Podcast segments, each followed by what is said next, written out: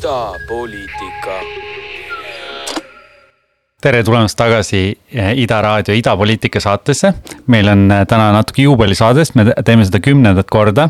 mina olen Mats Kuuskemaa ja minuga on siin läbi interneti ka Mariann Võsumets, tere Mariann tere, Mats, mul on nii tore näha sind interneti vahendusel, et ähm, Ida Raadio kuut on jätkuvalt püsti ja ma tahaks väga olla teiega koos Telliskivis. Aga nüüdsest läheb see saade eetrisse niimoodi, et mina olen Londonis ja Mats on Tallinnas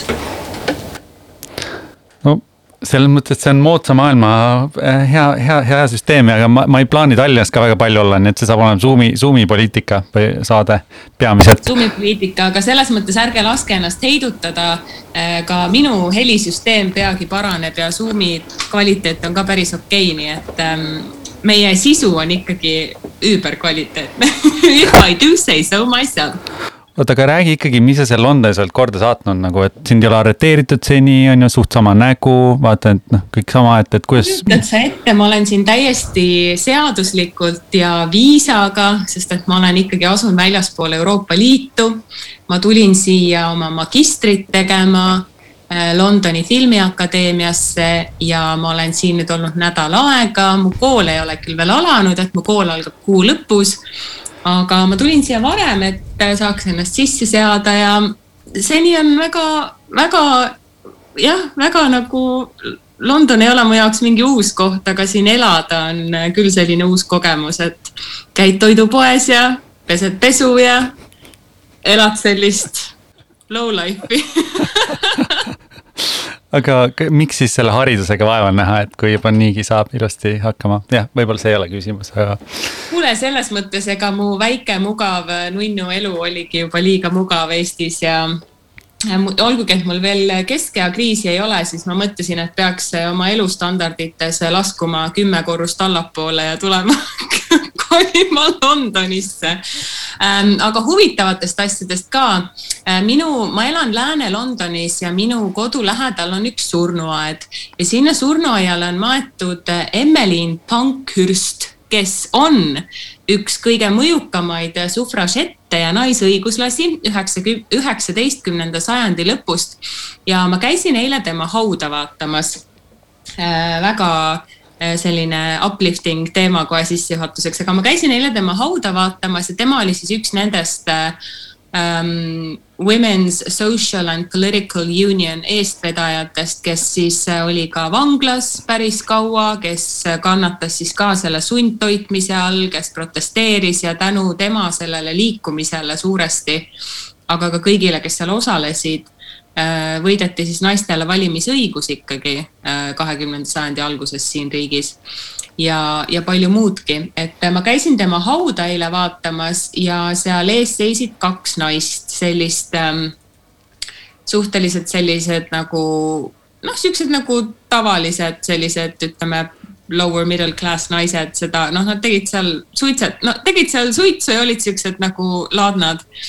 Ja siis äh, ma seisin nende selja taga, et ma ei tahtnud neile liiga lähedale minna ja siis nad pöörasid ümber ja küsisid mu käest, et äh, sa ikka tead, kes see naine on või? ma ütlesin, et äh, jah, ma tema pärast tulin siia või noh, et ma tahtsin nagu vaadata seda. et ma elan siinkandis ja siis, ja siis nad ütlesid mõlemad, et issand, iga naine peaks teadma, kes on Emmeline Pankhurst. ja siis see oli selline, selline moment, mida ma lihtsalt arvan, et Eestis võib-olla väga ei juhtuks ja kes ei ole tema eluga kursis, siis võib järele vaadata ja ma avastasin, et selle naiste sotsiaalse ja poliitilise ühingu äh, liikumise värvid on juhtumisi samad, mis on minu kooli värvid ehk siis lilla, roheline ja valge on ka Gustav Adolfi gümnaasiumi värvid.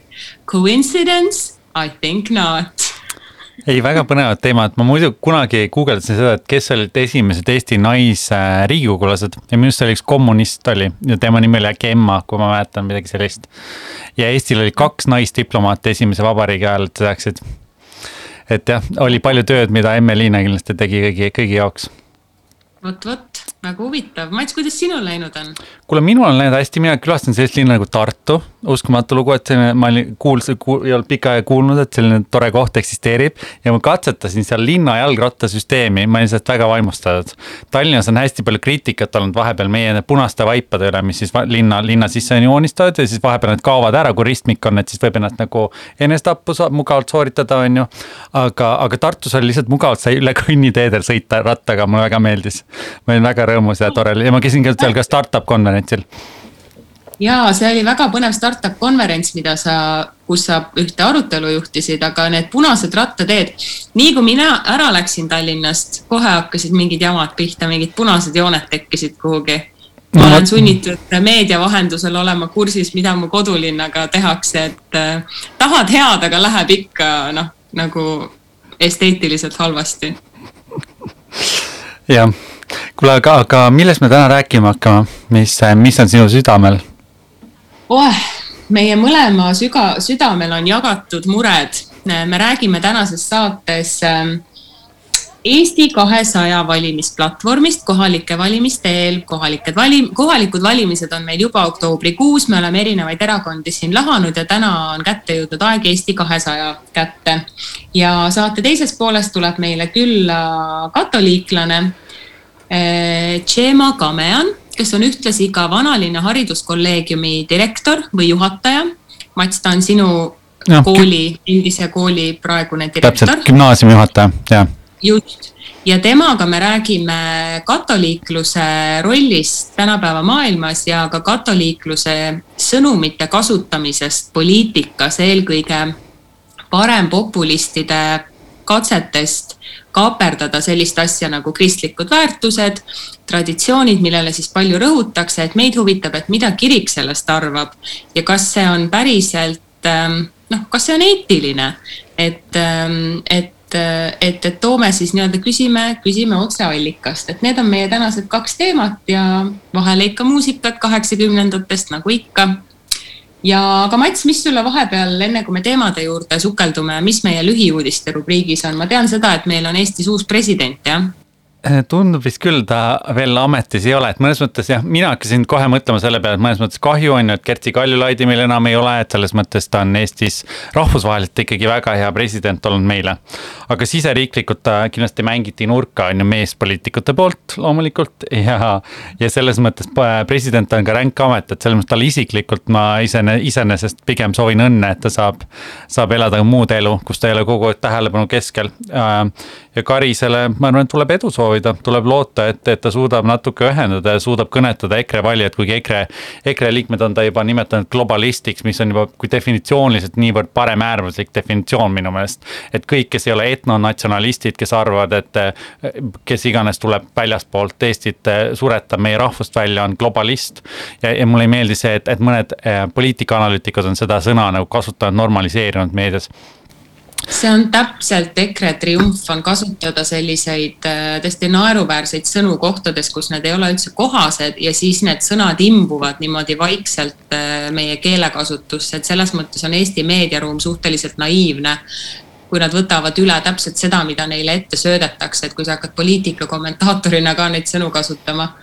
Aga Karise puhul ma soovin talle muidugi edu, aga ma pean ühtlasi nõustuma ka Evelin Sepa arvamusartikliga hiljutisega, kus ta ütles, et Karise saamine presidendiks on keskpärasuse võidukäik ja ja ma olen nõus sellega selles mõttes, et ähm, Karis kindlasti välispoliitiliselt ei jäta niivõrd ähm, Äh, elegantset ja silmapaistvat muljet nagu Kersti Kaljulaid.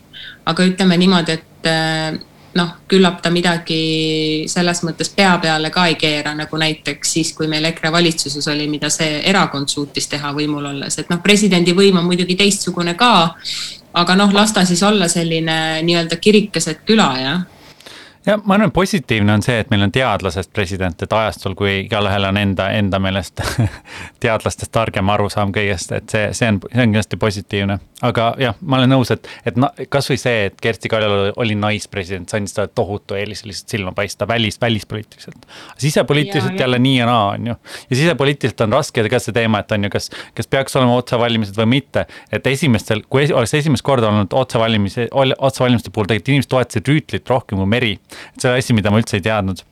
et see on, see on jah, see on pikem arutelu äh, Karise puhul, mis mul on natuke silma jäänud, on see, et ta üritab, äh, ta üritab olla hästi meeldiv ja ta on hästi alandlik natuke ka. et äh, mulle tundub, et ta kindlasti tajub seda sellist ohtu sealt nii-öelda EKRE ja populismi suuna pealt, et talle võidakse igasuguseid asju ette heita. aga samas esimeses stuudios küsis äh, Andres Kuusk tema käest paar päeva enne, kui ta siis ära valiti, küsi-, küsis tema käest, et et Toomas Hendrik Ilves on öelnud, et presidendi selgroog ei saa olla süldist. kas Alar Karis on nõus? Alar Karis ütles, et ta on nõus. Äh, ma siis tahaksin näha seda selgroogu, mis ei ole süldist, et selles mõttes ega sellisele EKRE kemplemisele, kui me räägime globalistiks nimetamisest ja millest iganes, Äh, seal tuleb jalg maha panna ja mitte lasta ennast äh, niimoodi nagu visata ühest toa otsast teise ja endale silte külge kleepida, et siin tuleb ikkagi resoluutne olla ja ma jään huviga ootama Alar Karise poolt seda käiku jah, mis mul tuleb siia nagu paralleeliks just mõtte, mõttesse on Angela Merkel on ju, et praegu noh, me mõtleme Eestis KOV valimiste peale, aga minu mõtetes on tegelikult Saksamaa valimised, mis tulevad vähem kui kolme nädala pärast, kui ma ei eksi. ja praegu on see, et SPD tegelikult juhib seda, kes on hästi madala seisuga olnud Saksamaa sotsiaaldemokraadid siis ja Merkel on valitsenud kuusteist aastat ja tegelikult ta alguses oli just, talle heideti kogu aeg ette seda, et ta ei võtnud seisukohta. et ta lasi inimestel kembelda enda silme ees surnuks põhimõtteliselt oma poliitrivaalidel, igas teemadel ja siis lõpus ta tuli välja ja võttis seisukoha. et võib-olla see on mingi teadlaste teema, et nad tahavad hästi pikalt mõelda ja siis arvata. ma ei oska seda arvata, aga lihtsalt võib-olla see on, võib-olla see on jällegi teenimatu paralleel, aga lihtsalt Merkel no, alguses sai seesama kriitikat ja no teadlasena võibki raske olla, sa ei saa aru, kuhu loomaaeda sa sattunud oled, sa ei ole enam akadeemilises keskkonnas, sa oled kusagil turuplatsil, kus äh, inimesed müüvad aegunud sõnumeid äh, odava hinna eest ja tahavad neid kõigile hulgi lihtsalt külge riputada. ma arvan, sellest, see, see on see, millega ta peab hakkama rinda pistma. kuule, aga siis on selline asi juhtunud ka veel, et äh, ma saan aru, et raudmees Üllar Lanno on samamoodi lahkunud ametist. mis teil sellega juhtus, Mats, räägi mulle. ei no esiteks on teine vist Terviseameti juht, kes on ikkagi ametisse, ametist tagasi astunud. et selles mõttes see, see kriitika see kriitika, kriitika Tanel Kiige suhtes on väga suur, et kui sa ikkagi miljon, sinu, sinu haldusalas ministrina miljonites ulatuv kahju tehakse riigile ja, ja maksumaksjale ja sa ei võta selle eest vastutust, et ükskõik, kas sina oled süüdi selles otseselt või mitte, see on sinu haldusalas juhtunud. et ma ei tea, Signe Kivi astus kunagi tagasi sellepärast, et tema alluv äh, läks põhimõtteliselt kasiinosse riigi raha eest, on ju, kes oli siis, kas ta oli Kultuurkapitali juht, kui ma ei eksi, tol hetkel, ta astus selle eest tagasi minister, on ju, võttis vastutuse.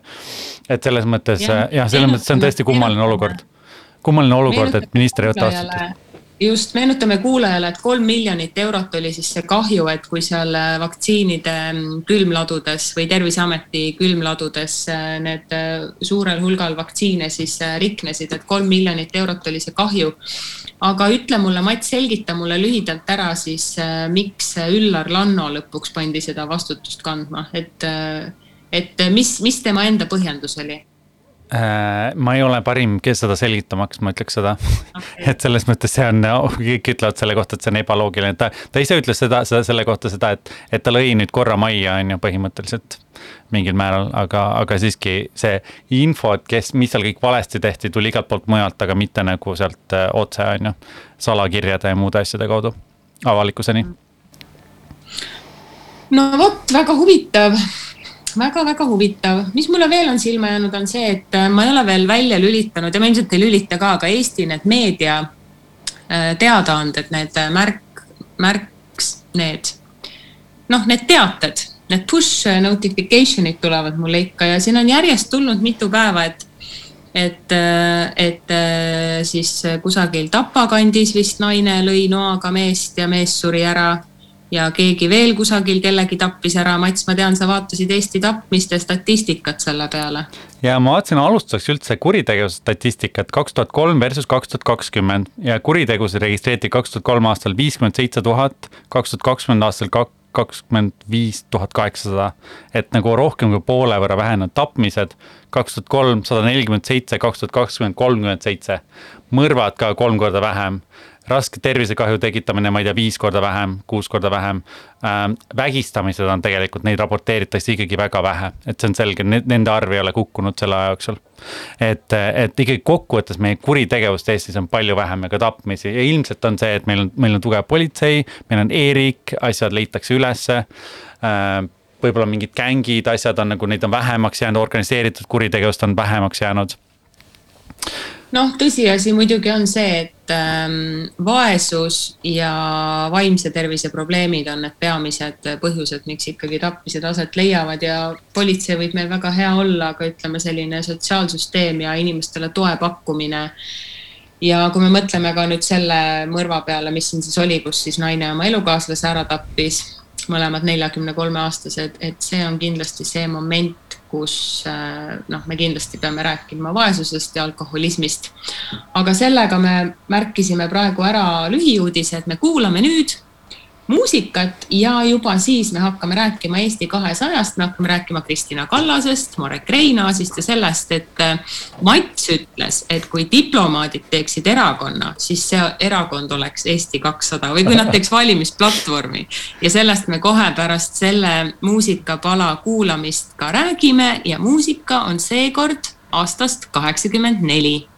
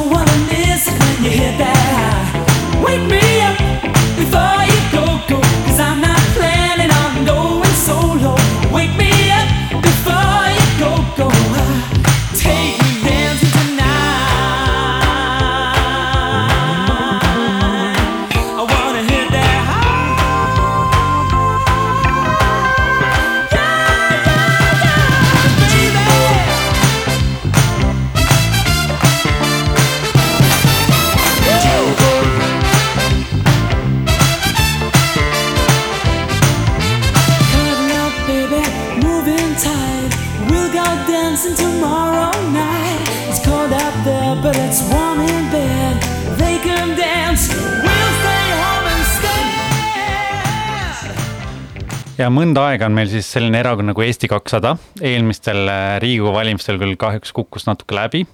aga Eesti kakssada on üles ehitatud natuke nagu MTÜ minu meelest, et tugevalt hästi palju kogukonna kaasamisele üles ehitatud. paljuski uutmoodi erakond, kui me vaatame laiemat pilti, siis väga pikka aega liberaalsetel valijatel olnud Eestis tegelikult rohkem kedagi valida peale Reformierakonna ja sotsiaaldemokraatide. et selles valdkonnas kindlasti nagu väga positiivne, et, et neil on midagi uut kui me vaatame ka reitinguid, siis põhimõtteliselt kohe, kui Eesti kakssada ilmus, siis ikkagi sotsidelt kukkus mingi selge valijate arv tagant ära. et kindlasti on, on mingeid sotside valijaid, kes ei olnud väga, väga vasakpoolsed, kes on valinud selle erakonna tee Äh, nende reiting on olnud tegelikult üks üsnagi, ma ei tea, kümne protsendi lähedal üsna pikka aega, et selles mõttes on täitsa olemas. ja, ja täna meil oligi mõte, et me arutaks natuke nende linnapea kandidaati, nende erakonda laiemalt ja natuke vaataks ka nende Tallinna programmi ja mõtteid. et Mariann, mis sina arvad erakonnast Eesti kakssada? ja erakonna Eesti kakssada juht on Kristina Kallas, kes on äh, siis tuntud ka kui Tartu Ülikooli Narva kolledži endine direktor Äh, tal on äh, ajaloolase haridus nii bakas kui magistris. ei poliitika... ole paremäärmuslane, vabandust, ma segasin ja poliitikateadustes on tal äh, doktorikraad ja ta on siis tuntud ka selle poolest, et ta on integratsiooni teemal nõustanud erinevaid Ida-Euroopa riike ja tal on väga tugev selline nii-öelda kogukondade kaasamise ja ühendamise taust, et ta on ka ühes ähm, mõttekojas töötanud siis kunagi jah. ja, ja selles mõttes äh, jah, vara on võib-olla natukene veel arvamust kujundada, sest et midagi nad ju noh, võimul nad ei ole olnud, eks ole, aga kui ma nüüd vaatasin nende kohalike valimiste platvormi, sellepärast et see on see, miks me nendest täna räägime, siis noh, number üks punktina on nad muidugi ettevõtlusele suunatud ja ütlevad, et äh, peab olema võimalus tegeleda ettevõtlusega kodu lähedal. et noh, see, see noh, hästi üldsõnaline on see platvorm muidugi, aga noh, kogukonnaelu, äh, ettevõtlus, ähm, elaloo-, keskkonnasõbralikkus, et, et selles mõttes see on kõik nagu tore aga mind ikkagi huvitaks näiteks see, et miks nad otsustavad valimisliitudes kandideerida, millise eelise see neile annab, et nad on väga tugevasti väljas jah, suurtes linnades just valimisliitudes no valimisliitudes on aeg-ajalt ka teisi erakondi, et selles mõttes see on, see on uuele erakonnale annab natuke eelise mõnes mõttes, sellepärast et nad saavad kaasata rohkem inimesi, kes ei ole võib-olla valmis erakonda astuma või erakonna nimekirjas kandideerima. aga kes tuleks koos nendega, kes muidu võib-olla teeks eraldi valimisliidu või siis võib-olla nad saavad sinna ennast külge, külge hakata, et nad kindlasti leiavad rohkem võimalusi saada, saada valitsema koos vali, valimisliitudega ja veel üks väga huvitav persoon, kes on Eesti kahesajal, kes on ühtlasi ka Tallinna linnapea kandidaat, on Marek Reinaas, tuntud kui reklaamiärimees ja pubiärimees. ja Marek Reinaas ütles märtsikuus Anu Välba saates Hommik Anuga, ütles, et temal on maailmas juba kõik olemas, tal on nii palju raha, et tema ei pea minema poliitikasse selleks, et endale sooja kohta tagada, vaid eh, tema temal on nüüd ähm, ühesõnaga eesmärk ja missioon, ta teab, kuidasmoodi poliitikat tehakse, et ei maksa karta, et tema poliitikast ära kaob. nagu näiteks lühikese karjääriga Mihkel Raud või Hannes Võrno, tema ütles, et need mehed läksid poliitikasse naiivsetena, aga tema, Marek Reinaas, tema teab, kuidas seda vorsti tehakse.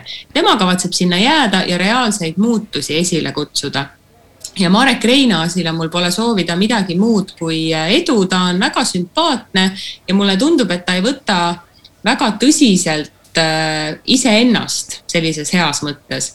ja siis on ka üks varasem Kroonika intervjuu olnud, kus ta on rääkinud, et äh, Eestis palgavaesus on suur probleem, mis on väga nii-öelda meeldiv ja värskendav seisukoht, et seda vähemalt üldse tunnustada. ja, ja, ja tema selline elupõhimõte vähemalt näib olevat see, et ta elab kahetoalises korteris, sõidab kaksteist aastat vana autoga, sest et ta raha teenimine ja selline rikkus iseeneses ei paku talle enam nagu mingisugust pinget. et vähemalt see on nagu tore selline noh, asi, kuidas ennast esitada, sest ma mäletan kunagi ühes saates ütles mulle Jevgeni Ossinovski, kui me rääkisime äh, Priit Toobalist ja Lauri Laasist, kes kuidagi ei tahtnud Riigikogust tagasi astuda, kui nad olid oma, oma korruptsioonide ja juradega vahele jäänud, siis Jevgeni Ossinovski ütles selle peale, et aga Laasi ja Toobali jaoks on tegemist isikliku tööhõive küsimusega ja see oli päris tabavalt öeldud, et Marek Reinaasi jaoks poliitika kindlasti ei ole isikliku tööhõive küsimus ja see on alati pigem hea. jah, selles mõttes, kui mõelda, et inimene, kes on äh, pidanud Hella hunti, siis teinud ajalehte Keskus koos Juku-Kalle Raidiga, keda sa mainisid enne vist. Äh, ja samal ajal ka mm, reklaamibürood, et kindlasti igav, igav isik äh, võib-olla ei ole, on ju, et erinevaid asju teeb. aga ma ütleks, me, me ei tohiks Eesti kahesajale selles mõttes liiga teha, ma võiks natuke rääkida nende programmist veel. sest neil on Nii, palju uusi ideid, neil on palju uusi ideid, mis nad toovad, on ju, praegu nad on platvorm, nad ei ole kunagi pidanud valitsema. Nad ei ole kunagi pidanud vali-, otsustama, kellelt sealt raha ära võtta, aga neil on ideid, ma loeks nende riiklike programmilist märksõnad ette. seal on pealkirjad uus põlvkond, personaalne riik, uus majandus, Eesti kui suunanäitaja maailmas. kultuur ja keel, elukeskkond, demokraatia, avatus, isikuvabadused, võrdsed võimalused. ja neil on ka nagu ka siis linna tasemel, neil on päris palju mõtteid, üks on see, et kogukondade nagu, mis mainisid, kogukondade võimestamine, anda reaalset maksutulu siis nagu palju väiksemate kogukondade kätte, osalt on muidugi see sarnane, et nii reformid kui sotsid räägivad seda, et Tallinnas kulutatakse raha ainult, ainult on ju Lasnamäe peale, mitte teiste linnaosade peale ja see on hästi ebavõrdne ja see nii ongi aga muidugi probleem nende kaasamisega võib juhtuda mingi hetk, et hästi paljud nimbid ilmuvad välja, et ütlevad, meie, meie juurde bussipeatused ei tohi teha ja meie juurde trammiteed ei tohi teha, on ju. et see on hästi eestlaslik, see probleem, mis ilmselt ilmub, on ju. Äh, kõik linna, linna planeerimine, linnaruum ja sihuke teema on natuke sarnane sotside ja reformiga. võib-olla neil ei ole öölinnapea, ööelustrateegiat ei ole, mis on, mis on ähm, mis on sotsidel hästi tugev, aga see digikultuur ja asumid ja, ja palju, palju häid mõtteid neil on aga reaalsus on jällegi see, et, et, et kui nad võimu juurde saavad, siis me hakkame nägema, on ju, et palju nad, palju nad sellest teostada saavad. kuidas nad reageerivad, kui nad peavad raskeid otsuseid tegema, aga samas see värskus, võib-olla see vabadus, neil on suurem vabadus tuua uusi mõtteid. sest seal erakonnas, vaata uues erakonnas ei ole nagu mingeid Jürgen Ligisid ja Michaleid ja mingi inimesi, kes on triljon aastat seal erakonnas olnud. ja kelle, kellega sa pead nagu arvestama ja võib-olla nende majandusvaade, et nad on majanduses, mulle tundub, nad on ikkagi parempoolsed, natuke rohkem parempoolsed, kuigi neil on mingi sotsiaalne taju. Nad on natuke väga parempoolsed, selles mõttes majanduse poolest on nad ikkagi liberaalne erakond, et selles mõttes nad sotsidega ei konkureeri, nad konkureerivad, kuigi noh, Eesti mõistes sotsiaaldemokraadid ei ole ka nii sotsiaaldemokraadid kui, kui, kui Lääne-Euroopas või Skandinaavias aga, aga mina ei takerduks väga nende sellesse, noh, mis see sõnamull, mida see demokraatia ja ettevõtlus nagu tähendab, ega see noh, paberil kirja panduna ei tähenda mitte midagi. et küsimus, kui hästi nad valitseda suudavad, juhul kui nad mõnes omavalitsuses peaks äh, volikogusse saama, et see küsimus taandub ikkagi nagu inimestele, et kui palju neil on seda inimressurssi ja inimeste nagu kvaliteeti ja oskusi poliitikas toimetada ja see on see, mis saab olema nende proovikivi. Äh, olgu see siis nüüd või siis järgmistel riigikogu valimistel, aga nende toetus on küll tõesti kõvasti kasvanud. ka, ka nüüd, kus meil on juba pikemat aega Reformi ja Keskerakonna valitsus, on Eesti kakssada ikkagi tasa ja targu omale toetajaid kogunud juurde. nii et mulle tundub, et ähm, inimestel on ootus jälle uue erakonna ja uute tegemiste järgi, aga see natukene tekitab ka minus nagu skepsist, sest et noh, kõik nagu Res Publica tuli, nii nagu igasugused sellised uued inimesed on poliitikasse tulnud, et noh, kui palju sa lõpuks ära teha saad, see on, see on iseküsimus ja kellega nad äh, koos võiksid koalitsioone näiteks moodustada, et noh, ilmselt, ilmselt kõigiga peale, peale EKRE, ma kujutan ette aga, aga see, mis sellest nagu reaalsuses saab, seda ma ei oska öelda jah, aga noh, demokraatia isikuvabaduse osas ikkagi need sõnumid on selgemad või nagu selles mõttes äh, sarnased kindlasti sotsidele ja reformile. Äh, ja nende no, muu platvorm, seal on päris palju ühist nende kahe erakonnaga ma arvaks ja.... millist, millist, millist edu sa neile ennustad ja ütle ka seda, miks sa miks su reaktsioon oli, et, et, et kui diplomaadid teeksid valimisprogrammi, siis nad teeksid just sellise, et kust sul see? Nende vaata, nende riiklik programm on hästi rõhutud ikkagi sellele, et Eesti peab olema maailmale avatud. et me oleme, me peame juhtima, me peame proovima uusi poliitikaid, uusi asju katsetama, vaatama nagu uusi mõtteid läbi, läbi viima, on ju, selles mõttes kogu see digiteemad on ju samamoodi, mis nad on tugevalt sisse toonud. et need on väga selged asjad, mida, mida Eesti nagu väljaspoolt väga edukaks peab, on ju. ja, ja neil on ka muus osas, neil on väga, neil on hästi selged, nad on muidugi tulnud programmiga välja hiljem kui sotsid ja Reform. aga neil on palju nagu praktilisi ideid, mida nad tahaks ellu viia. võib-olla palju raskem on olla võimul ja ametnik ja panna seda tegema, neid ideid ellu viima. aga neil on nagu sisulisi ideid päris palju. et see on igatahes positiivne. tead, mis mina tahaks öelda, mida mina olen äh mõelnud ja, ja veelgi sügavamalt aru saanud nüüd siin Londonis olles, on see, et milline luksus tegelikult see noh, see, see on nagu üleüldiselt kõikide Eesti noh, ütleme erakondade mõttes, kes üldse valitseda tahavad, et, et kui me üldse nagu, me räägime nii palju küll erakondadest, aga kui me mõtleme juba ainuüksi Eesti gabariitide peale, kui väike riik me oleme ja milline luksus on omada oma riiki, kus sa saad tänu sellele olla efektiivne, kiire, pakkuda kvaliteetset haridust. Äh, ma tean siin inimesi, kes äh, noh, kelle, kelle lapsed käivad koolis, kus esimese klassi aastamaks on kaheksa tuhat naela lihtsalt sellepärast, et kool, et riik ei suuda pakkuda normaalset üldharidust. meil Eestis ei ole sellist asja, et, et, et, et kes iganes meil erakondadena midagi tegema hakkab, et peaasi, et me ei tekitaks, ei laseks endale seda ebavõrdsust ja, ja sellist, ütleme väga suurt erastamist eh, igas sektoris eh, ligi, sest et see on see, mis hakkab lõpuks eh, tüürima ühiskonda mingis sellises suunas, kus me keegi elada ei taha, et tegelikult siin Eestist tulnuna siin näiteks kõrgharidust teha on väga palju noh, ütleme meie teekond ja meie oleme pidanud palju vähem võitlema selle nimel, et meil oleks normaalne põhi- ja keskharidus. ma ja ma olen nõus sinuga, et ma arvan, mingil tasemel tõesti elukvaliteet on Eestis juba praegu parem kui Suurbritannias näiteks. aga ma ütleks seda, ma ütleks natuke. paljudes teistes riikides ka. ma ütleks Eesti kahesaja kaitseks natuke, et nad on natuke korrigeeritud turumajanduse pooldajad on ju, nad ei ole Reformierakond, et. räägime eelarve tasakaalust nagu hommikul, õhtul ja lõunal on ju, no Jürgen Ligi on meie nagu eest, eestkõneleja, et selles mõttes nagu. Nad, neil on rohkem vabadust ja neil on võib-olla vabadust ka võib-olla julgemalt sõna, sõna võtta, sest praegu neil ei ole nii suurt rahva toetust. aga et me peame vaikselt vist, vist kokku tõmbama, aga ma arvan, kindlasti, kindlasti jõuame Eesti kahesaja juurde tagasi. et see on põnev, äh, kui on uued erakonnad. Eesti kahesaja kohta on praegu kõik öeldud, mis öelda on, et nüüd tuleb neil hakata tegutsema ja kes äh, kohalike valimiste kohta ma veel ütlen nii palju, et mis iganes erakonda te valite, minge kindlasti valima ükskõik, keda te valite, minge kindlasti valima, oktoobrikuus on juba kohalikud valimised. Ja mul on suurepärane hea meel, et meiega liitub kohe külaline, kes on stuudios juba valmis, keda ma siit ka näen. aga enne seda me kuulame korra veel muusikat, mis on mõnevõrra temaatiline ka, me hakkame rääkima katoliiklusest, me hakkame rääkima kiriku rollist tänapäevas. Ja sellest, kuidasmoodi poliitika sinna kõigesse sobitub, aga me kuulame enne seda äh, Annie Lennoksit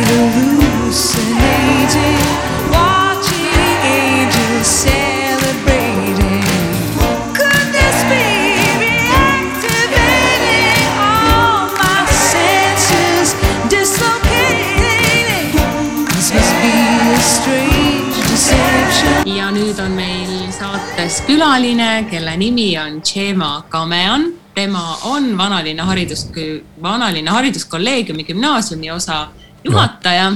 ta on pärit Argentiinast, ta elab Eestis, ta on katoliiklane, ta on Opus Dei liige ja suurepäraselt väga huvitav ja väga laia silmaringiga inimene ja meil on väga hea meel öelda talle tere. tere, aitäh ilusate sõnade eest vaatame pärast saadet, mis, mis tahate veel öelda nagu me välja reklaamisime, siis meid huvitab see, kuidasmoodi suhtuvad päris katoliiklased, inimesed, kes äh, elavad ja ennast niimoodi, äh, niimoodi ka noh, oma elu on korraldanud, et kuidasmoodi teie vaatate seda, kui poliitikud räägivad vahepeal oma agenda õigustamiseks seda juttu, et äh, nende poliitika põhineb kristlikel väärtustel.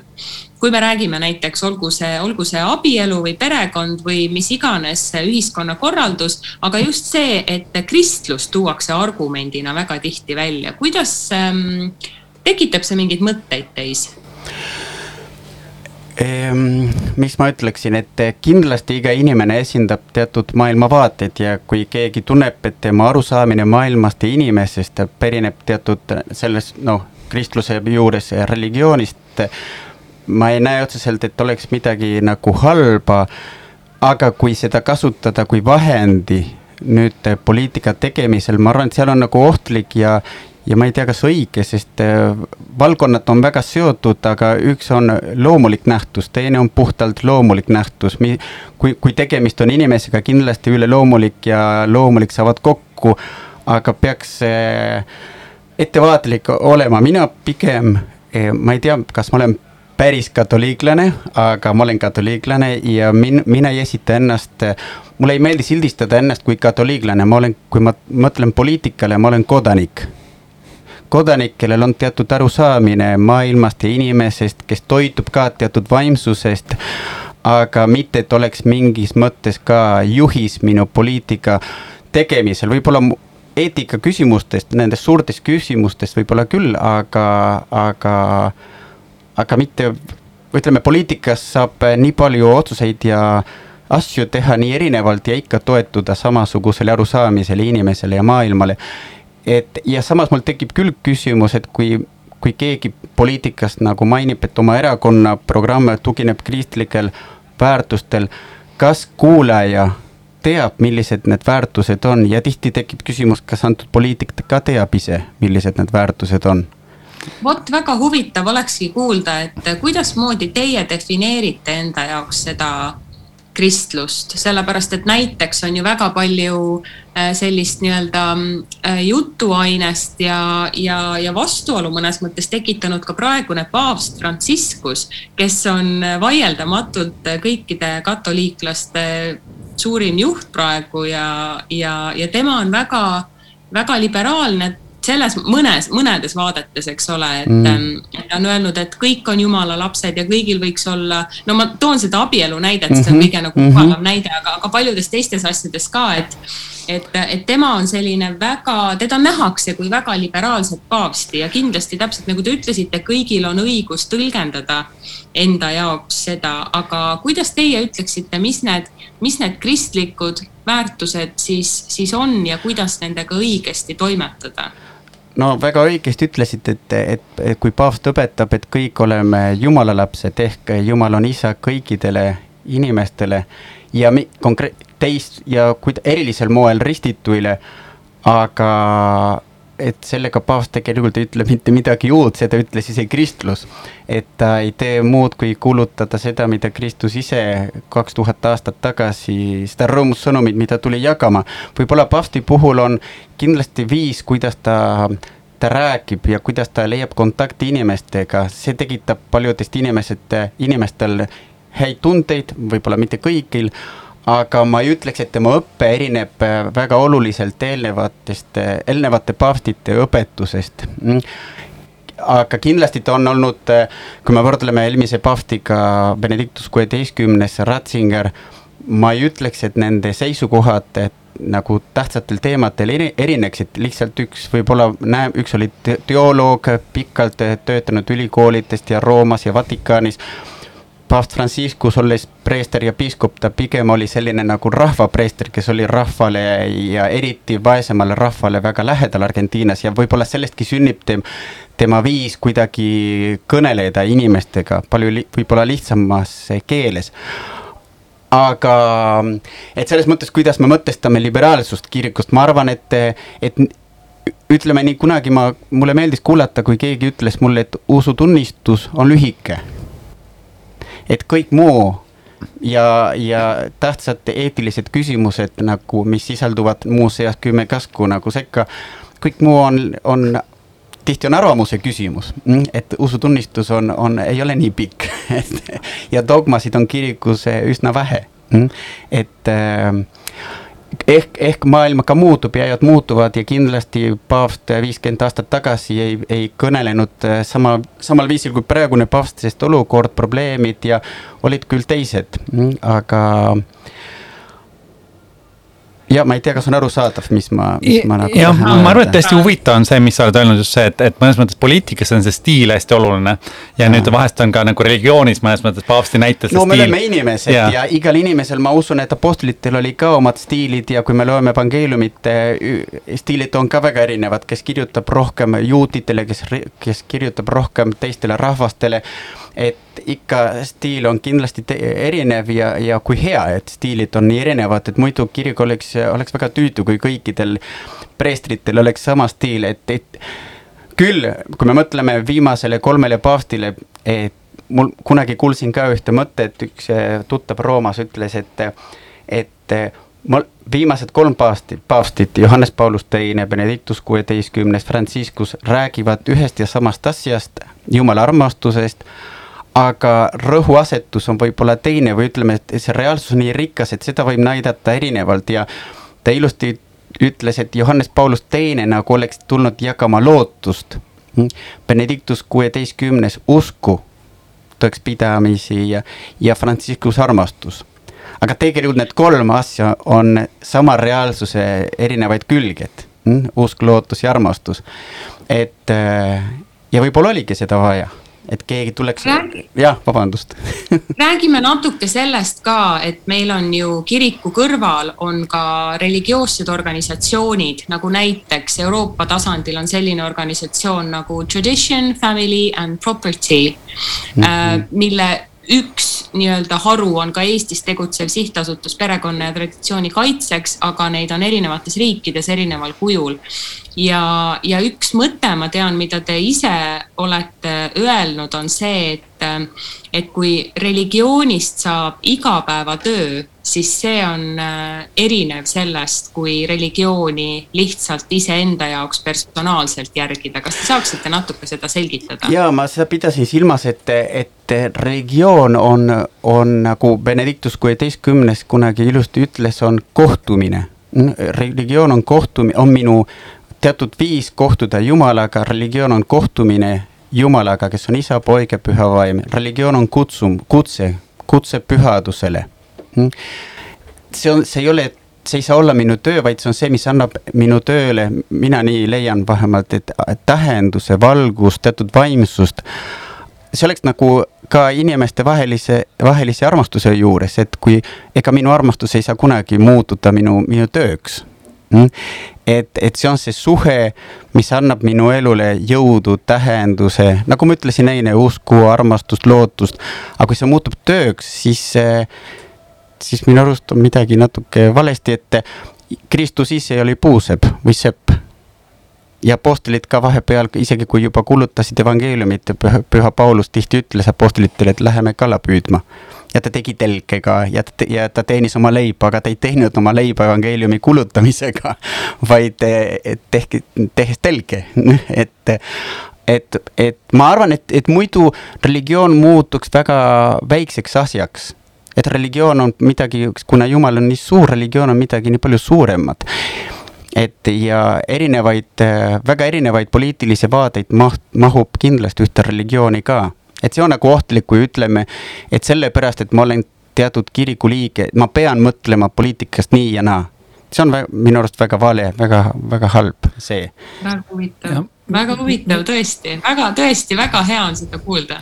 mul on ma, katoliiklastest äh, sõpru Argentiinas, kes on nii vasakult kui võimalik ja teised, kes on nii paremalt kui võimalik et äh, ja, ja äh, õige on ja hea on, et ja. valgustatakse sellesama armastuse ja usu sõnumiga nii paremalt kui vasakult keskelt ka. ma tahtsingi küsida just katoliik kiriku selles mõttes rikkuse osas, vaadete osas, et üks koma kolm miljardit inimest, kes on sünnijärgi katoliiklased ja kirik on hästi suur, on tugev Ladina-Ameerikas, Aafrikas, kohati mm. Aasias, Euroopas mm. ka mm.. et, et, et võib-olla sa oskaks rääkida natuke kirikuorganisatsioonidest erinevatest on ju, sest Eestis tõesti seesama SAPTK on ju sihtasutus perekonnatraditsiooni kaitseks, mis, mis, mida meie kuuleme kõige rohkem aktiivselt sõna võtmas, aga me ei tea, tavaliselt me ei kuule isegi, võib-olla ei tea, kuidas jesuiidid erinevad, kuidas mis on Opus Dei, et äkki sa mm. natuke valgustaks lihtsalt kiriku nagu rikkust vaadata või kirikuorganisatsioonide osas? siht, eh, sellest sihtasutusest eh, ma väga ei räägiks, sest ma ei tunne teemat ja ma ei tahaks nagu midagi valesti öelda, aga mida ma võin küll öelda, on, et see, et, et see traditsioon, omand ja perekonna eh, ühing, millest te alguses rääkisite, see on küll kristlaste või katoliiklaste ilmikute ühing või rühmitus, aga see ei ole kiriku institutsioon. Mm.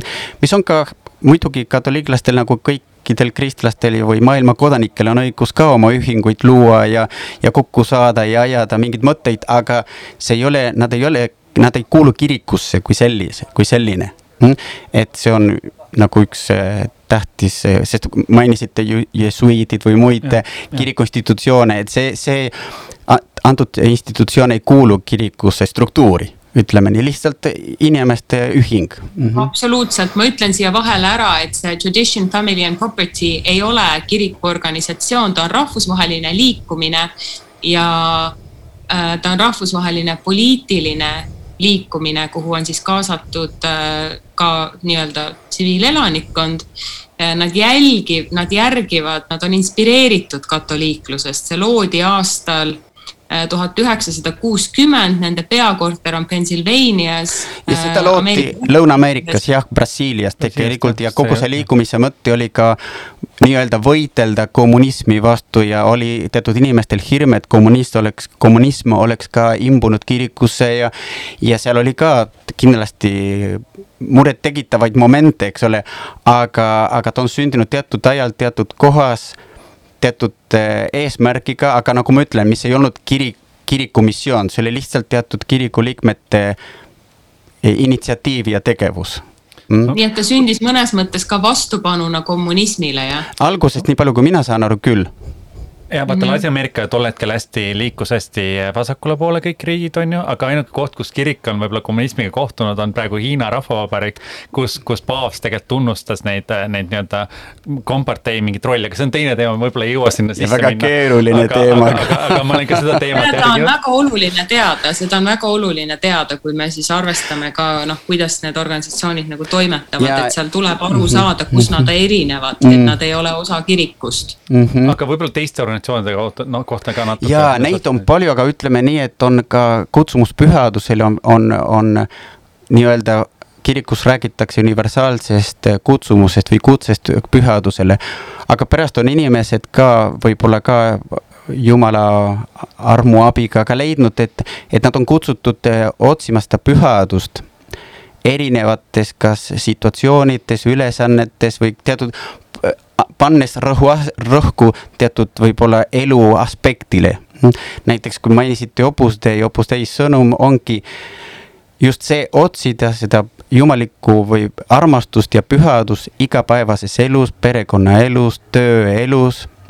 et, et otsida seda kontaktit jumalikkusega või jumalaga oma igapäevategevuse kaudu, et elada selleks, et teenida ligimeest, armastada ligimeest seal, kus ma olen, et kun-, et ei ole, ei ole vaja selles, et püü-, püüelda pühadusele, mis ei, ei tähenda täiuslikkusele, vaid pigem võiks öelda armastuse täiuslikkusele. aga lahkumata maailmast ja lahkumata kohast, kus, kus ma praegu olen aga mainisite jesuiidid, mungad, nunnad on need, kes on leidnud, et nad on kutsutud pürgima sellele pühadusele eraldudes maailma tegevustest eraldudes ja pühendudes kas palveelule või mingisugusele tegevusele, mis ei ole seotud ühiskonna, ühiskonna nagu tavalise eluga et ja neid, need institutsioonid rikastavad väga, väga kirikut, sest nad kõik toovad veel midagi nagu juurde. evangeeliumi sõnum on nii suur, et on hea, kui inimesed, kes elavad seda erinevalt, ka toovad midagi nagu kirikule uut, et kuidas, see oleks nagu suur maantee ja see, see, mööda seda maanteed ma võin käia vasakul, keskel, paremal, kiiresti, aeglaselt rattaga, jala, autoga peaasi, et ma jõuan sihini. Ja siht ongi, et oleksime õnnelikud siin maa peal ja igavesti, nii palju kui saab õnnelikud siin maa peal olla jah, ei selles mõttes, et üks koma kolm miljardit inimest on ikkagi tohutu, tohutu, tohutu hulk ja selles mõttes on hästi loogiline ja loomulik, et neid organisatsioone palju on, et see mõnes mõttes tekitab ka demokraatiat. et vahest on räägitud, palju on moslemi äh, või islami religioonist, et miks ta ei suuda nagu võib-olla oma mingites tõekspidamistes reformi teha. võib-olla seal ongi seda, et seal ei ole seda keskset paavsti, kes ja siis neid võib-olla selliseid teisi organisatsioone, kes suudaks nagu dialoogi pidada omavahel. paavst annab, paavsti olemasolu annab kirikule kindlasti ühtsust, aga samas ka no ehk, ehk inimesed tunneme, et me, meil on vaja toetust, meil on vaja tunda, et kuulume kuhugi ja kirik on universaalne, ta on nii suur, aga mõnikord on ka, inimestel on ka hea tunda, et ma kuulun teatud eh, kogukonda, kus mind toetatakse, kus mind aidatakse, kus mind oodatakse, et võib-olla see on ka nagu loomulik isegi perekonnas või suguvõsas tekivad teatud ringid ka pere sees, et lähimad sõpr, vennad ja õed, et, et ähm, aga, aga kindlasti sõnum on üks ja teine, lihtsalt see viis, kuidas seda sõnumit ellu viia, on võib-olla erinev kahtlemata inimestel on erinevatel ajaperioodidel oma elus äh, vähemal või rohkemal määral, me kõik pöördume mingisuguse spirituaalsuse juurde, kui mm -hmm. meile tundub, et me ise oma jõu ja tarkusega enam hakkama ei saa, et, et isegi need inimesed, kes ennast religioosseteks ei pea, siis mingisugune usk mingisugusesse äh, teisesusesse on mm., on ikkagi olemas.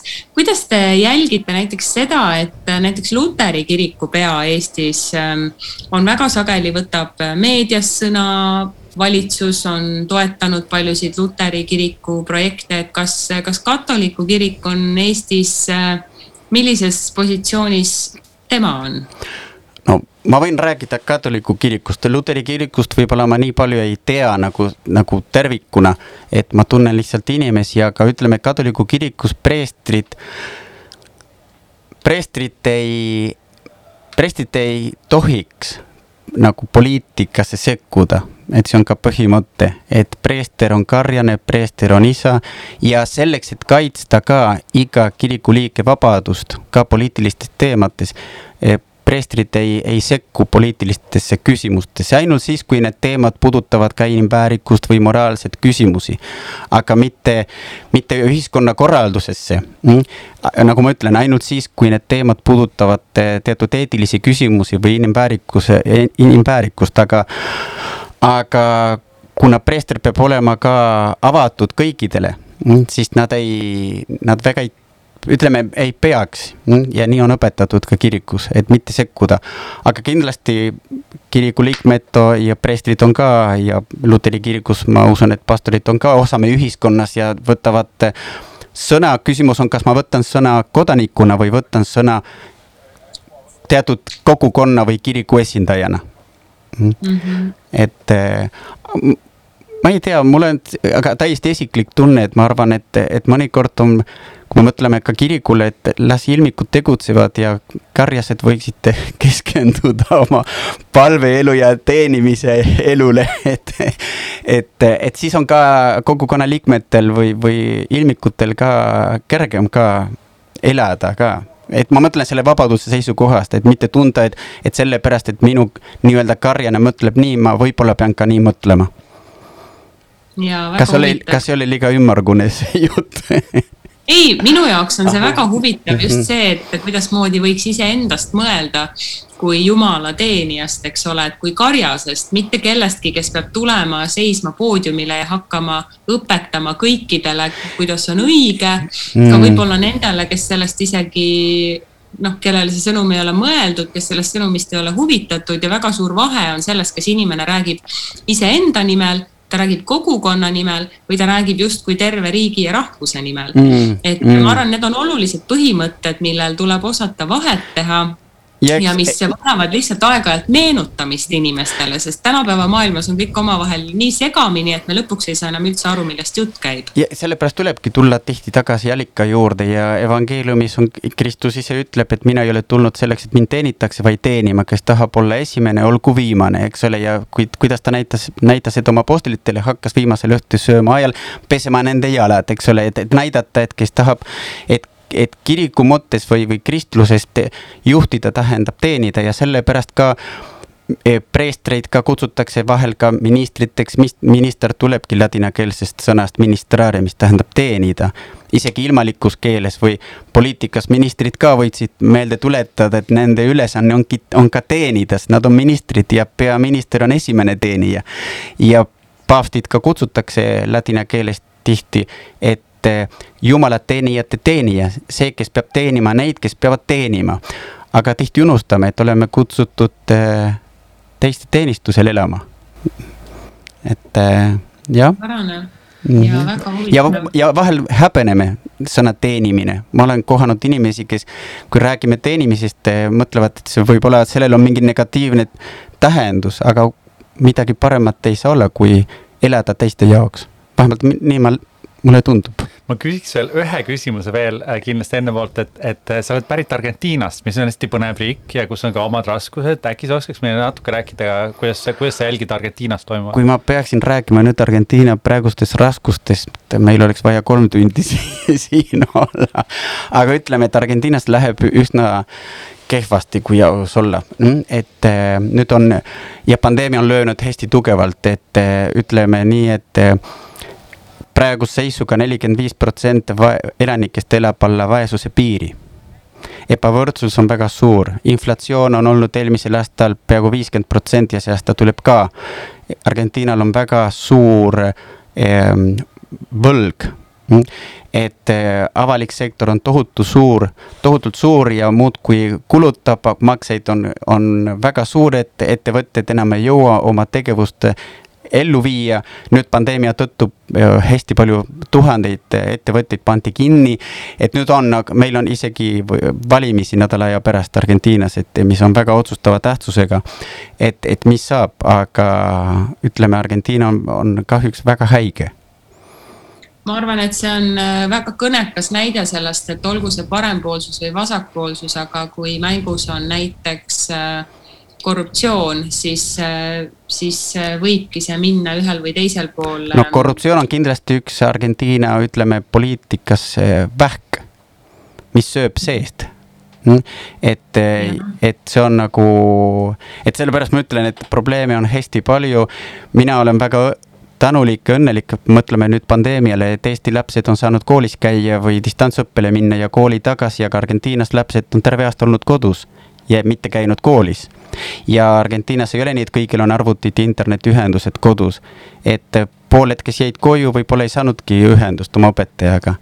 Mm, et, et tihti no ei, on rumal võrrelda ennast nendega, kellel on, kellel läheb halvemini ja sellepärast tunda, et meil on hästi, aga vahel, vahelgi tuleb vaadata natuke laiemalt maailmas ja tunda, et et meil läheb nii hästi ja mõnikord on natuke kurb näha, kuidas tülitsetakse ja, ja, ja ka vingutakse, aga tegelikult, kui me loeme, mis mujal maailmas toimus, toimub, peaksime väga tänulikud üksteisega siin Eestis olema kindlasti jah, need on äh, natuke kurvad teemad, millele lõpetada, aga, aga aitäh selle väga huvitava vestluse eest, et. Äh, aga see on, ma pean ütlema, kurvad teemad, aga, aga... tihti, aga isegi inimesed, kellega ma suhtlen, nad on ikka õnnelikud et mis, mis teha. jah, aga aitäh, aitäh, Džeema. suur aitäh kutsumast. aitäh meie kuulajatele, palun alati eh, andke meile tagasisidet, jälgige, jagage meie saadet, ootame tagasisidet väga ja kohtume juba kahe nädala pärast